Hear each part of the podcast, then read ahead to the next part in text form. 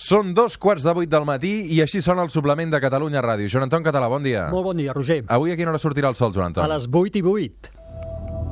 3, 2, 1. Шагание!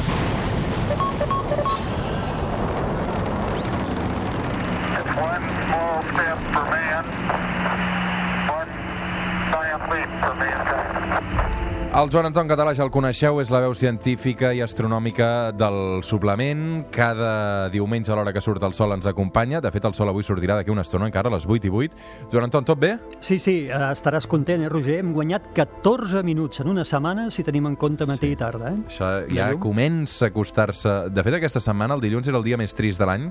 Um, és allò que passa que encara falta molts dies perquè arribi l'estiu, Sí. fosc, gèlid, ha passat les festes però tot això ja ho hem deixat enrere, ja ha passat. I avui estem de celebració perquè volem agrair tots els oients la manera com van fer el seguiment de l'eclipsi lunar que vam explicar la setmana passada al suplement. Mhm. uh, Déu-n'hi-do les mencions que hem rebut, les fotografies de- d'oients que ens han enviat fent aquest seguiment de la matinada de diumenge a dilluns. Nosaltres vam fer la prèvia, no, Joan Anton? Exacte, exacte. Ha I estat tu fantàstic. en, encara fas ulleres de, de les faltes d'hores de son que et passen, no? Bueno, que perquè vaig haver d'anar a treballar després, però és veritat el que dius, vam rebre moltíssimes fotografies i agrair a la gent i sobretot agra- felicitar-nos a tots no? de que tornem a mirar la lluna i, no, i el cel i no ens perdem coses com aquestes. Mhm.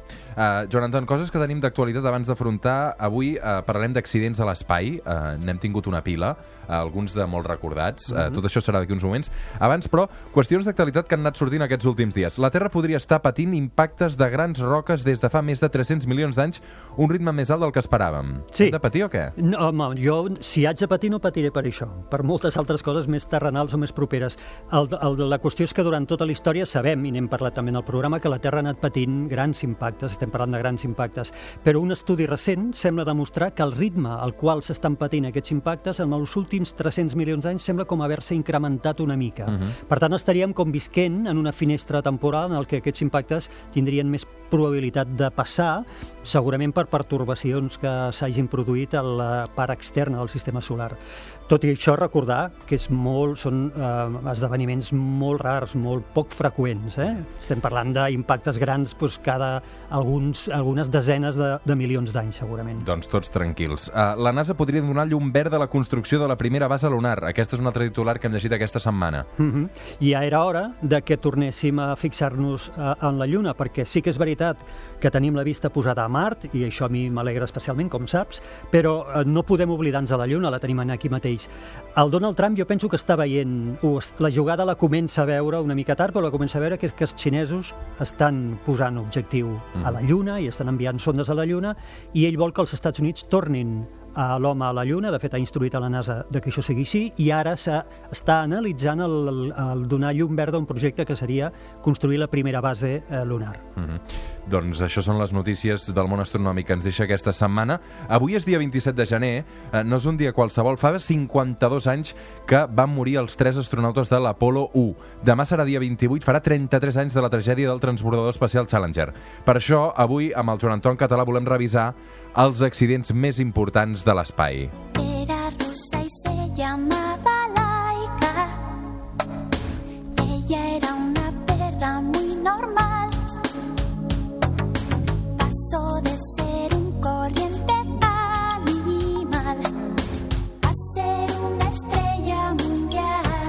Aquesta sensacional cançó de Mecano parla de la Laika, la recordarem, la gossa tripulant de l'Sputnik 2, no? Eh, que els russos van enviar a l'espai i que mai no va tornar.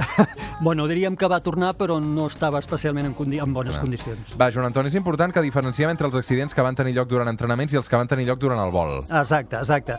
Eh, eh, són molt diferents, tot i això en parlarem en algun cas en aquí, especialment en el cas potser més famós, que és l'Apolo 1, parlarem, eh, que són entrenaments o són eh, doncs això, coses que s'estan provant a la Terra i que també han produït morts. La primera baixa que tenim, de fet, en la cursa espacial, és eh, aquestes que dèiem, d'aquesta primera categoria, que és en experiments a la Terra. I és un cosmonauta soviètic d'aquell moment, de l'any 61, que es deia Valentin Bondarenko, que es mor eh, per cremades mentre s'entrenava dintre d'una càmera de pressió. Per tant, no a l'espai, sinó aquest és el primer que tenim constància de que mor a la Terra eh, provant això d'anar-nos a l'espai. I curiosament, també són els soviètics els que tenen la primera tragèdia en vol a l'espai, que és el Soyuz 1, el seu primer Soyuz, el 24 d'abril del 67, en què el paracaigudes no s'obre en el moment en què retorna la Soyuz a la Terra i el seu únic tripulant, que es deia Vladimir Komarov, eh, mora de l'impacte. Aquests són les, les dues primeres baixes, per tant, una a l'espai,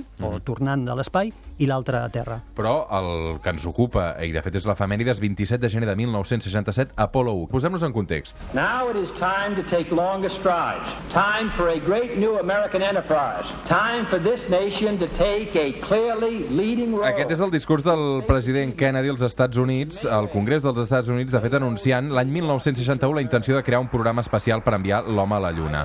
Um, aquest accident, el del 27 de gener de 1967, va tenir lloc, de fet, uh, Joan Anton, com el que n'hem parlat alguna vegades, l'Space Race uh, és aquesta cursa entre Estats Units i, i els soviètics, uh, Mhm, la exacte. cursa de l'espai. Exacte, que competien per moltes coses, no? l'orgull, però també un domini militar i segurament un domini de l'espai també en efectes militars.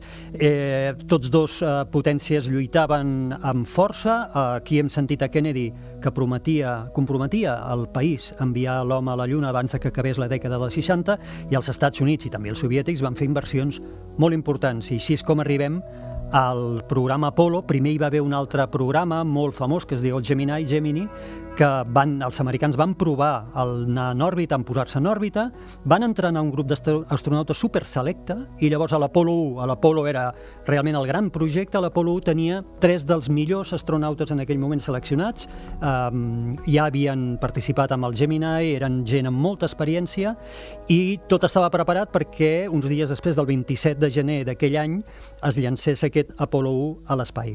El, estaven entrenant, estaven dins de la càpsula els tres astronautes i es va declarar un incendi dins de la càpsula que va fer impossible que els poguessin treure eh, No es va poder obrir la porta. No es va poder obrir la porta Ni els que estaven fora, ni els que estaven dins. ni els que estaven dins. I això per un seguit d'errades, és un cúmul d'errades, normalment aquests accidents passen per un cúmul d'errades. La primera, que és la per, per la qual no es podia obrir la porta, és perquè la NASA en aquells moments tenia una pressió en cabina eh, que era alta comparada amb la, amb la de l'espai i, per tant, la porta estava dissenyada perquè s'obrís cap dins. Mhm. Perquè la idea era... Cap a dins de la nau. Clar, perquè la idea és si som a l'espai on hi ha el buit, eh, d'aquesta forma impedirem que la porta mai es pugui obrir de forma accidental. Clar, doncs això va ser un efecte que va impossibilitar absolutament que tant des de dins com des de fora aquesta porta es pogués obrir i van No hi havia pla B. No hi havia pla B, es van quedar cre- cremats a dins.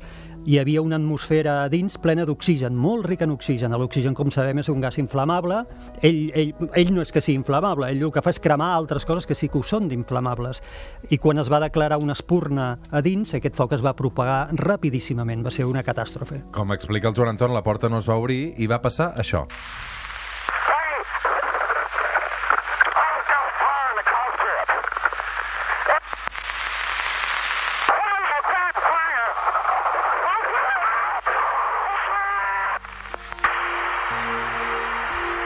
Posant la pell Sí, de gallina. és brutal, eh, no, quan no, no havia escoltat mai aquest document. És brutal, Anton. és brutal quan ho escoltes. Clar, ho gravaven tot, ho tenen tot gravat, tenen totes les converses gravades, i aquests són els últims instants en què un dels astronautes diu s'ha declarat un incendi al cockpit, a la càpsula, eh, ajuda, llavors se'ls hi extén i ja se senten els crits, bueno, és, és brutal quan sents això.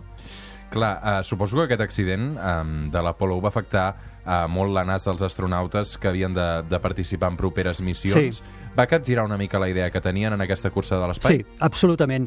Eh, es diu, els especialistes amb el tema es diu que això va marcar el caràcter, un caràcter molt important de la NASA, que d'alguna forma van dir mai més, i eh, no només van dir mai més, sinó que eh, van dir ara més que mai a la Lluna. I per tant va forjar un esperit dintre de no només els astronautes de la NASA, sinó tots els tècnics, de tot l'estaf de la NASA, en què ara més que mai havien d'arribar a la Lluna, però mai més els errors aquests. I per tant es van desenvolupar tota una sèrie de protocols molt, molt, molt estrictes, si ja eren estrictes els anteriors, aquests encara molt més, per impedir que mai tornés a passar una cosa similar, que malauradament, com veurem, ha seguit passant. No gaire, si tenim en compte el tant per cent, no? però ha seguit passant. Joan Anton, i el famós Houston tenemos un problema, això què és? Aquest és a l'Apolo 13. És a l'Apolo 13, però aquest resulta que és dels grans èxits de la NASA, que és fer tornar vius a tres astronautes que... Aquí no hi va haver... Al Houston tenim un problema, no hi va haver morts. No, no, no, per això és dels grans èxits. Eren tres persones, tres astronautes que els donaven per morts. Era pràcticament impossible fer-los arribar. Estaven arribant a la Lluna i es queden Quin era el problema que oxigen. tenien? Uh, van tenir una explosió a bord en un dels dipòsits d'oxigen quan estaven a 300.000 quilòmetres de la Terra i es queden pràcticament sense oxigen ni energia morts, pràcticament morts. I la NASA improvisa un pla, en aquell moment improvisen totalment i acaben salvant-los, fent-los arribar... Bueno, s'ha de- d'explicar bé la història, però és impressionant. Avui amb el Joan Anton Català, a la Terra plana, repassem accidents eh, espacials. També en els entrenaments hem arrencat el 27 de gener de 1967, una efemèride. Però què passa el 30 de juny de 1971, Joan Anton? Doncs mira, un dels accidents a la banda soviètica. Eh? Hi ha una nau que torna, que és el Soyuz 11, torna d'estar en òrbita a la Terra i d'haver eh, creat història o marcat història perquè és la primera vegada que s'evita eh, una estació en òrbita. Els russos construeixen la Salyut 1, que és una estació que està orbitant la Terra, i els tripulants de la Soyuz 11 han anat, han entrat dintre de l'estació i han estat uns dies en allà. Per tant, és una missió històrica. Malauradament, és una missió també plena de problemes tècnics, però també humans, de relació entre la tripulació, i quan tornen uns dies abans del previst, han d'improvisar una, una tornada, eh, té un accident la nau i moren asfixiats. Es queden sense subministrament d'oxigen i moren asfixiats els tres astronautes soviètics. Hi ha d'haver uns testos psicotècnics per això? Absolutament, absolutament. Sobretot, eh, no només per ser astronauta d'aquests que van i tornen, sinó, eh, per exemple, imaginem els que es queden a l'Estació Internacional Espacial i es queden durant mesos. No és fàcil, i tant i tant, no hi pot anar qualsevol. I en aquest cas sembla que hi va haver un, unes confrontacions de caràcter importants entre els tripulants que van provocar que la- l'ambient de convivència entre ells tres en aquesta estació soviètica fos impossible i haguessin d'improvisar aquesta tornada tres o quatre dies, crec, més aviat del que tenien previst. Més cronologia. Entre el 71 i el 86 eh, no hi va haver accidents, afortunadament. Fins al 28 de gener, de nou aquell any, què va passar exactament? Aquest és el famós eh, Challenger, que és l'explosió... 28 de gener del 86, del 86, aquí. si han passat, fixa-t'hi, molts anys, eh, hem anat a la Lluna, hem tornat, hem tornat, hem tornat, han passat moltes coses, i arribem al 86 al Challenger, és aquella explosió que molts de nosaltres recordem, que és la nau, aquell transbordador espacial, que eh, s'enlaira i en el moment 72 segons després d'enlairar-se, esclata i moren els set tripulants que portava el Challenger. Aquest realment és un drama important, són set persones, la tecnologia ha avançat molt i el problema més més greu que hi ha és el cúmul de circumstàncies, una altra vegada d'errors humans que han portat en aquest accident gravíssim. Uh -huh.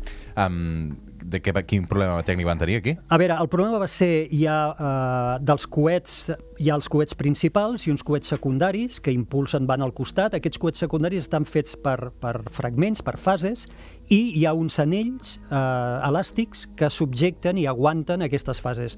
Se sospitava que alguns d'aquests anells s'havien fallat en altres missions, no havien provocat accident, però s'havien cremat i havien perdut part de la seva flexibilitat.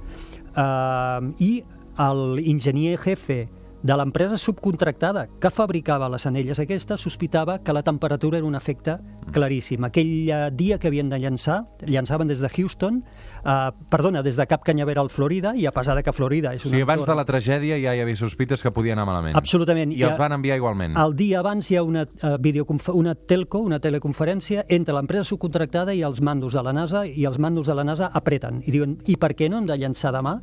I aquest enginyer jefe de l'empresa subcontractada diu és que demà hi haurà 4 graus de temperatura molt baixes, mai hem llançat a tan baixa temperatura i tinc por de que aquests resisteixin. aros no resisteixin. La pressió de la NASA és impressionant, impressionant, i aquest enginyer es queda sol, sense el suport ni dels seus directius de l'empresa, que bàsicament l'obliguen a que es calli.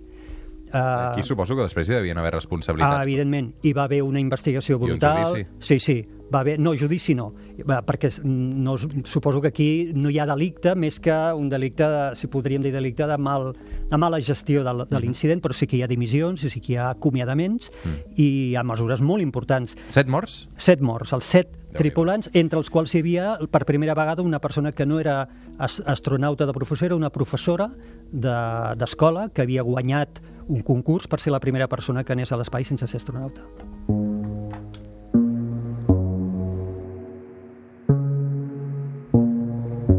Joan Anton, l'última mort a l'espai, quin any es va produir? A veure, tenim l'accident del Columbia, que és l'any eh, 2003. 2003. 2003. Torna a ser un... Des del 2003 que no es mor ningú més a l'espai? Eh, que jo sàpiga, no.